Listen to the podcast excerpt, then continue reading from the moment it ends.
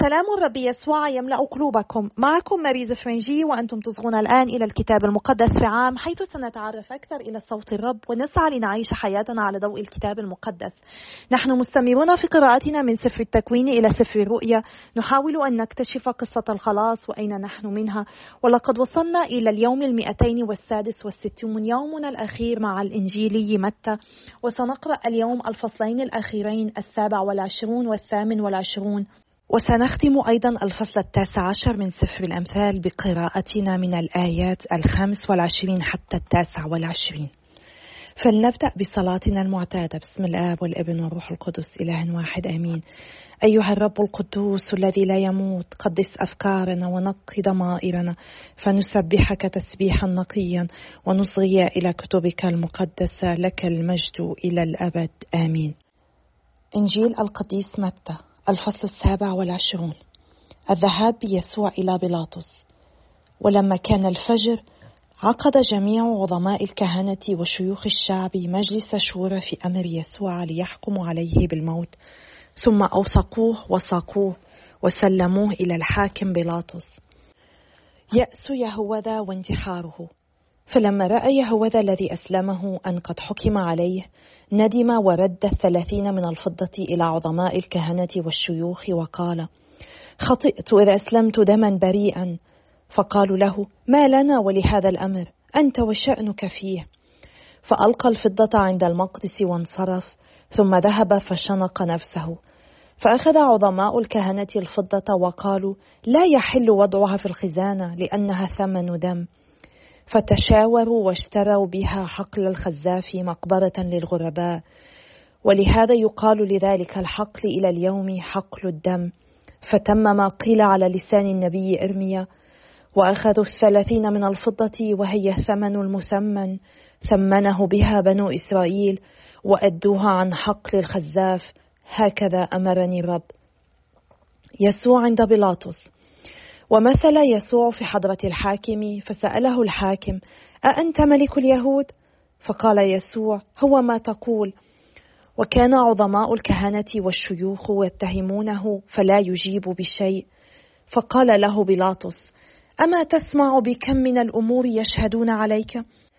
فلم يجبه عن أي منها حتى تعجب الحاكم كثيرا وكان من عادة الحاكم في كل عيد أن يطلق للجمع سجينا أي واحد أرادوا وكان عندهم إذ ذاك سجين شهير يقال له يسوع برأبة فبينما هم مجتمعون قال لهم بيلاطس من تريدون أن أطلق لكم؟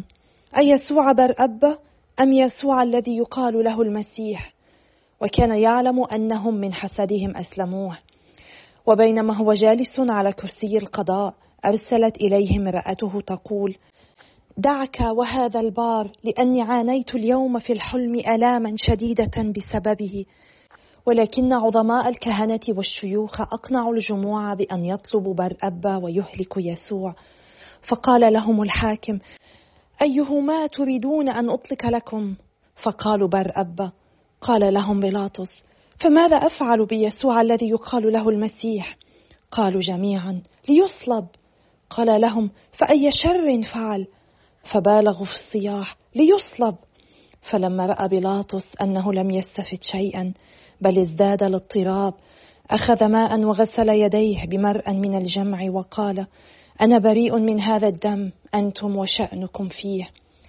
فأجاب الشعب بأجمعه دمه علينا وعلى أولادنا.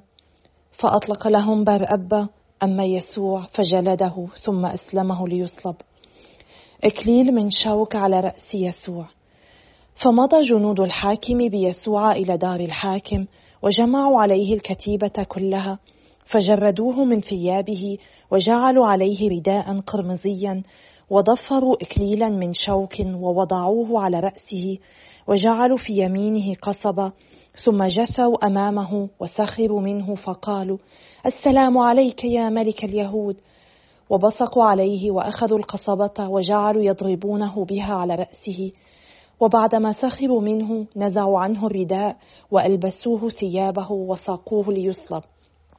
الصلب. وبينما هم خارجون صادفوا رجلا قيرينيا اسمه سمعان فسخروه أن يحمل صليب يسوع. ولما وصلوا إلى المكان الذي يقال له جلجثة أي مكان الجمجمة ناولوه خمرا ممزوجة بمرارة ليشربها. فذاقها وأبى أن يشربها. فصلبوه ثم اقتصموا ثيابه مقترعين عليها وجلسوا هناك يحرسونه. ووضعوا فوق رأسه علة الحكم عليه كتب فيها هذا يسوع ملك اليهود. ثم صلب معه لصان أحدهما عن اليمين والآخر عن الشمال. يسوع عرضه للشتم والسخرية. وكان المارة يشتمونه وهم يهزون رؤوسهم ويقولون يا أيها الذي ينقض الهيكل ويبنيه في ثلاثة أيام خلص نفسك إن كنت ابن الله فانزل عن الصليب. وكذلك كان عظماء الكهنة يسخرون فيقولون مع الكتبة والشيوخ خلص غيره ولا يقدر أن يخلص نفسه. هو ملك إسرائيل فلينزل الآن عن الصليب فنؤمن به. اتكل على الله فلينقذه الآن إن كان راضيا عنه فقد قال أنا ابن الله. وكان اللصان المصلوبان معه هما أيضا يعيرانه مثل ذلك. موت يسوع. وخيم الظلام على الأرض كلها من الظهر إلى الساعة الثالثة. ونحو الساعة الثالثة صرخ يسوع صرخة شديدة قال: إلي إلي لما شبقتني؟ أي إلهي إلهي لماذا تركتني؟ فسمع بعض الحاضرين هناك فقالوا: إنه يدعو إيليا فأسرع واحد منهم لوقته وأخذ اسفنجة فبللها بالخل وجعلها على طرف قصبة وسقاه. فقال سائر الحاضرين دعنا ننظر هل يأتي إيليا فيخلصه. وصرخ أيضا يسوع صرخة شديدة ولفظ الروح. وإذا حجاب المقدس قد انشق شطرين من الأعلى إلى الأسفل وزلزلت الأرض وتصدعت الصخور وتفتحت القبور فقام كثير من أجساد القديسين الراقدين وخرجوا من القبور بعد قيامته.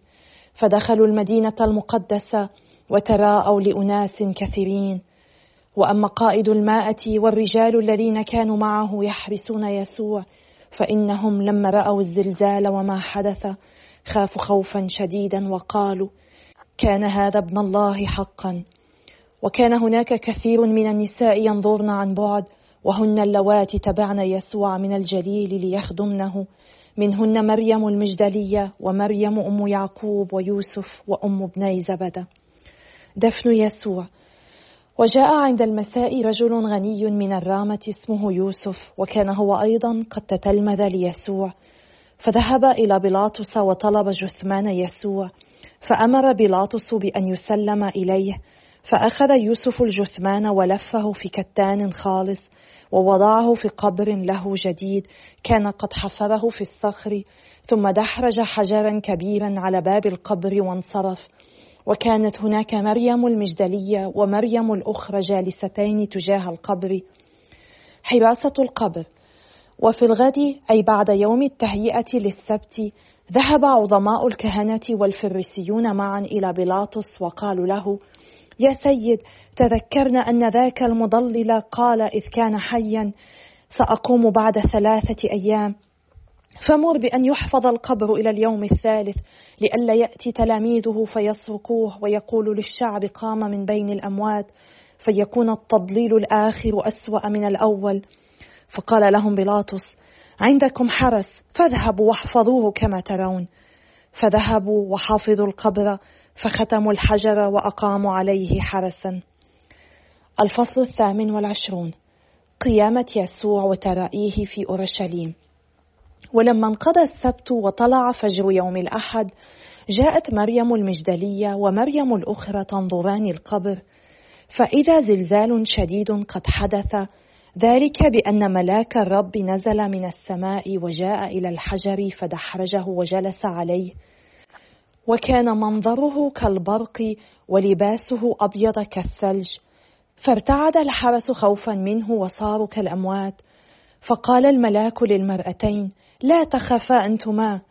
أنا أعلم أنكما تطلبان يسوع المصلوب إنه ليس ها هنا. فقد قام كما قال. تعاليا فانظرا الموضع الذي كان قد وضع فيه. وأسرعا في الذهاب إلى تلاميذه وقلا لهم. إنه قام من بين الأموات. وها هو ذا يتقدمكم إلى الجليل. فهناك ترونه. ها إني قد بلغتكما. فتركتا القبر مسرعتين وهما في خوف وفرح عظيم وبادرتا إلى التلاميذ تحملان البشرى وإذا يسوع قد جاء للقائهما فقال لهما السلام عليكما.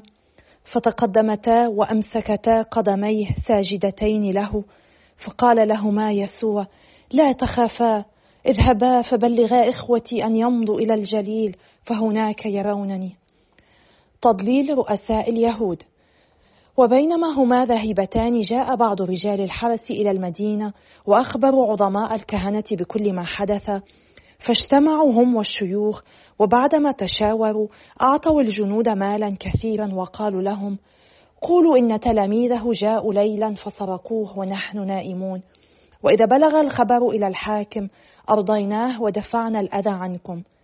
فأخذوا المال وفعلوا كما لقنوهم فانتشرت هذه الرواية بين اليهود إلى اليوم. ترائي يسوع لتلاميذه في الجليل. وأما التلاميذ الأحد عشر فذهبوا إلى الجليل إلى الجبل الذي أمرهم يسوع أن يذهبوا إليه. فلما رأوه سجدوا له ولكن بعضهم ارتابوا. فدنا يسوع وكلمهم قال إني أوليت كل سلطان في السماء والأرض فاذهبوا وتلمذوا جميع الأمم وعمدوهم باسم الآب والابن والروح القدس وعلموهم أن يحفظوا كل ما أوصيتكم به. وها أنا معكم طوال الأيام إلى نهاية العالم. سفر الأمثال الفصل التاسع عشر من الآية الخامسة والعشرين حتى الآية التاسعة والعشرين. اضرب الساخر فيصير الساذج حذرا ووبخ الفطن فيفطن للعلم. من أساء معاملة أبيه وطرد أمه فهو ابن الخزي والعار. كف يا بني عن الإصغاء إلى التأديب فتنصرف عن أقوال المعرفة. شاهد لا خير فيه يسخر بالحق وأفواه الأشرار تبتلع الإثم. قد أعدت العقوبات للساخرين والضربات لظهور الجهال. أيها الآب السماوي إننا نسبحك ونمجدك في هذا اليوم. لقد قرأنا اليوم عن آلام ابنك الخلاصيه لنا. هذه التضحية العظيمة التي قدمها فداء عن كل واحد منا. لكن لم نسمع فقط عن الآلام لأن الآلام ليست لها الكلمة الأخيرة بل سمعنا عن قوة القيامة العظيمة. ونحن ندرك يا رب أن الروح القدس الذي أقام المسيح يحيا في كل واحد فينا من خلال المعمودية. نحن نمجدك ونشكرك يا رب ليس فقط من أجل الألام وموت وقيامة ابنك الوحيد ربنا يسوع المسيح إنما أيضا من أجل روحك القدوس الذي تعطينا إياه ليرشدنا ويقوينا وينير دربنا. ساعدنا يا رب اليوم وكل يوم كي نفعل ما طلبه الرب يسوع من التلاميذ أن نذهب ونتلمذ جميع الأمم ونعرفهم عليك يا رب. وأن نحفظ كل ما أوصيتنا به ونتذكر أنك معنا دائما إلى نهاية العالم. أعطنا يا رب نحن الذين اختبرنا وجودك في حياتنا اختبرنا حضورك الشخصي اختبرنا محبتك ورحمتك بطريقة فردية وشخصية. أن نشارك غيرنا ونخبر غيرنا عن كل ما اختبرناه حتى يتعرفوا على حبك العظيم قوتك العظيمة خيرك العظيم. وخطتك العظيمة لحياتهم.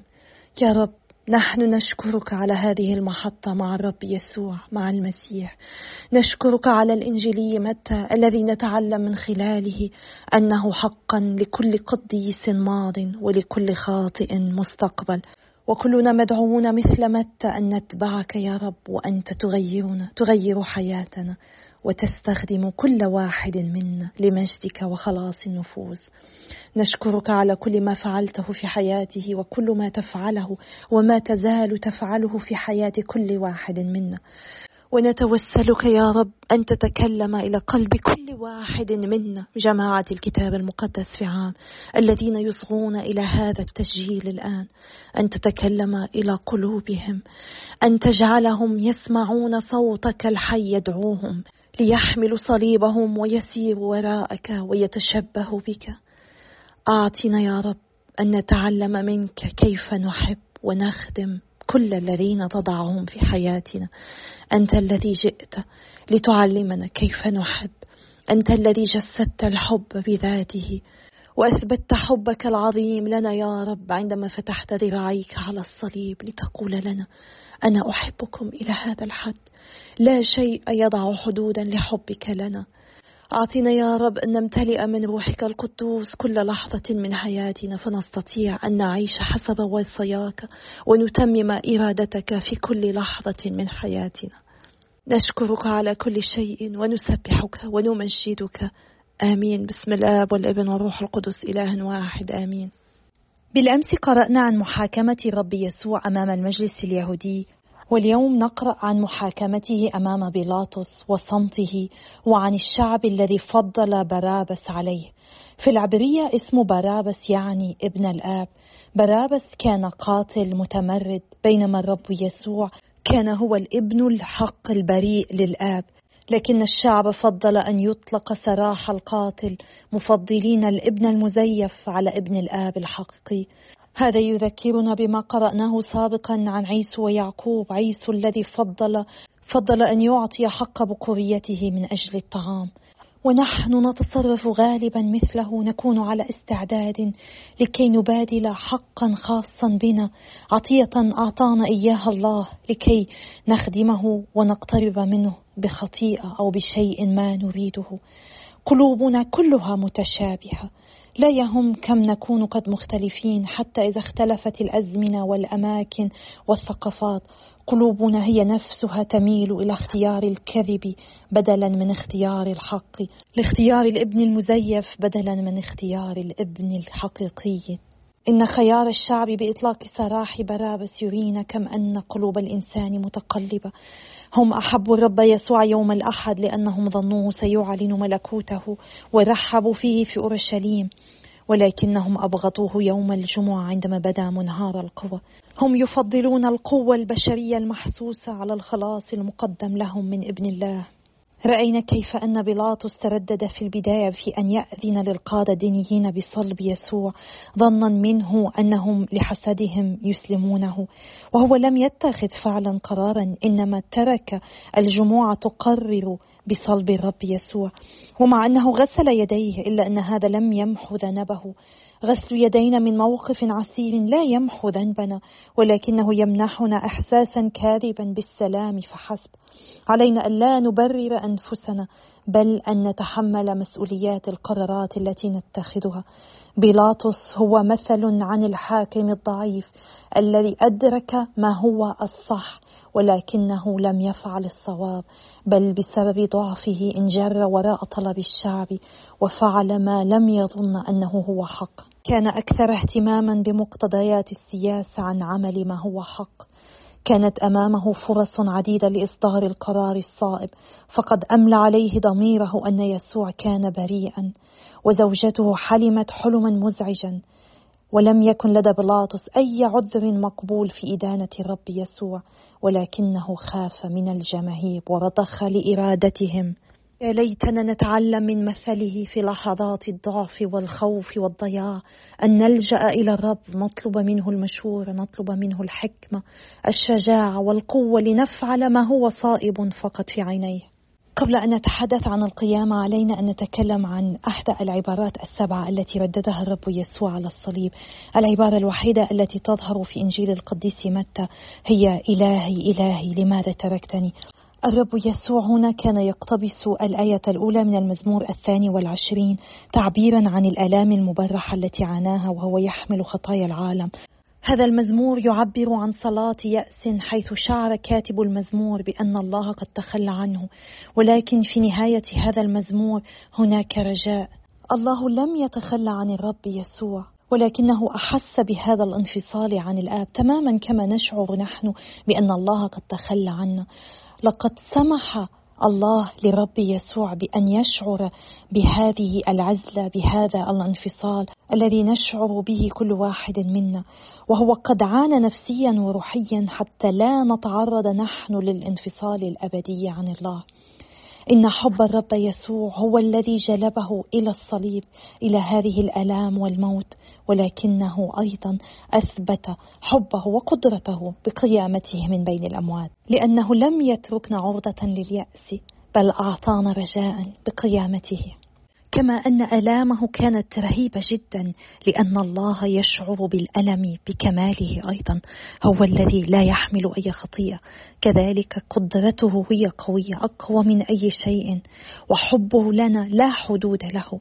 وبهذا الحب هو يرسلنا لنذهب إلى كل الأمم ونتلمذهم ونبشرهم بما فعله من أجلنا. هو يقول لكل واحد منا اذهبوا وتلمذوا جميع الأمم. هذا لا يعني أنه علينا أن نترك عائلاتنا وأن نذهب ونعيش حياة كما عاشتها الأم تريزا إنما علينا في كل مكان يضعنا الله فيه أن نبشر باسمه أن نحمل محبته لإخوتنا لأولادنا لأولاد إخوتنا أن نعتني بكل من يضعه في حياتنا أن نقويهم نعزيهم أن نساندهم أن نكون معهم. وبهذه الطريقة نعطيهم فرصة ليختبروا محبة الرب. وهكذا يمكنهم أن يصبحوا تلاميذ للرب يسوع بسبب شهادتنا لأنه ليس علينا أن نبشر بالكلام إنما بالأفعال. أنا وأنت وأنت وكل واحد منا مدعوون لأن نتلمذ جميع الأمم وأن نعلمهم أن يحفظوا كل ما أوصانا به الله. نعم ليس علينا أن نذهب بعيدا علينا أن نبدأ بالأقرب إلينا. وعلينا أن نتذكر أننا نحن لا نفعل ذلك بقدرتنا بل بقوة الرب يسوع الذي قال لنا في آخر آية في إنجيل القديس متى أنا معكم كل الأيام إلى انتهاء الزمان. هو لن يتخلى عنا هو إلهنا هو ملكنا هو ربنا هو مخلصنا. هو كل شيء لنا إذا سمحنا له أن يكون.